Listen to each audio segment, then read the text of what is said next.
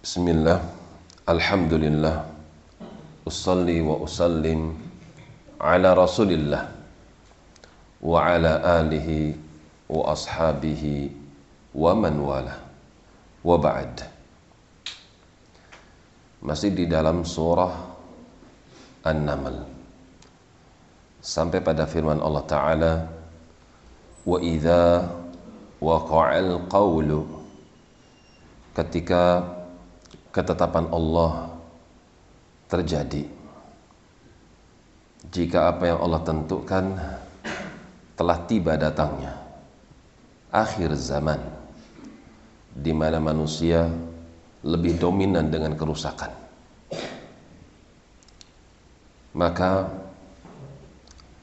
akhrajna lahum. Wa idza waqa'al qawlu 'alaihim akhrajna lahum dabbah kami akan keluarkan. Kami akan utus kepada mereka dabbah binatang. Minal ardi. Binatang ini bukan dari atas langit tapi binatang ini keluar dari bumi. Tukallimuhum.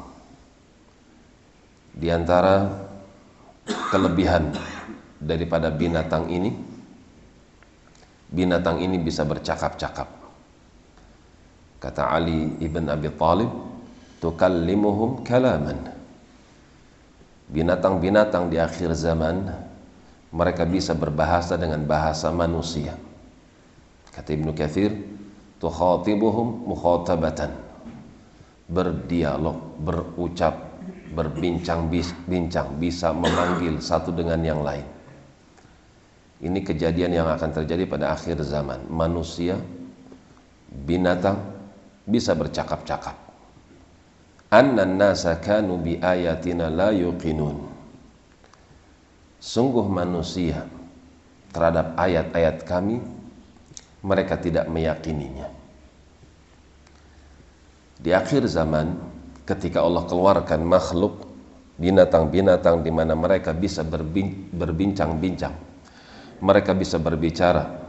Dan ini sebagai tanda kebesaran Allah untuk mengingatkan manusia.